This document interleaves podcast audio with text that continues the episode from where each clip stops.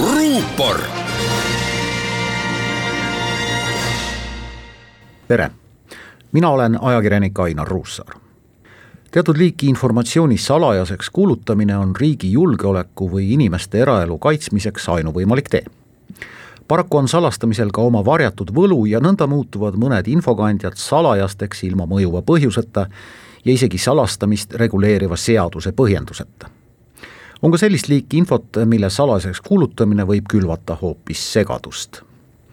igasugune teave viiruse leviku kohta on selline infovaldkond, mille salajaseks kuulutamine eeldab selgeid ja arusaadavaid põhjendusi oleks ju päris hull, kui lisaks piirangutest tekitatud piinadele hakkab ühiskonnas levima jutt sellest, kuidas pandeemia puhul püüab valitsus midagi varjata sellised jutud levivad kahjuks kiiresti ja haagivad endale külge väljamõeldisi ning paraja annuse pahatahtlikkust.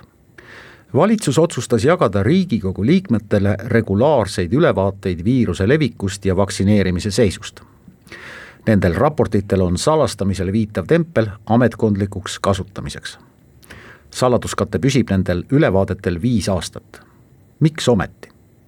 On täiesti mõistetav, et iga inimese terviseandmed, näiteks teave selle kohta, kas ta on vaktsineeritud või millised olid vaktsiini kõrvalmõjud, on inimese ja arsti vaheline asi ning ei puutu kolmandatesse osapooltesse. välja arvatud juhud, kui inimene ise oma terviseandmed avaldab riigikogu liikmetele saadetavad aruanded sisaldavad isikustamata, rõhutan, isikustamata terviseandmeid. see tähendab, et ühtegi nime, isikukoodi või muud säärast viiruse levikuga seoses rahvaesindajad teada ei saa. kuidas aga põhjendab peaminister valitsuse otsust osa pandeemia infost salastada? esiteks näitavad need raportid Kaja Kallase sõnul üsna täpselt asukohapõhiselt nakatunuid ja nutikamad võivad tema väitel hajaasustusega Eestis nende numbrite alusel tuvastada konkreetseid inimesi. halloo nakatunute ja lähikontaktsete arv on võtnud sellised mõõtmed, et täna kuuleme me juba igapäevaselt mõnest nakatunud kolleegist, tuttavast või viirusekandjaga kontaktis olnud inimesest. võib öelda isegi nii, et ongi parem, kui me teame võimalikke ohuallikaid enda ümber, sest ühel päeval oleme me ilmselt ise suure tõenäosusega ohuallikad teine valitsuse põhjendus salastada viiruse raportid oli viide julgeolekuinfole kui Venemaa tahab, siis saab ta Eesti avalikke viirusenumbreid või vaktsineerimisnumbreid väänates käivitada kümneid infooperatsioone.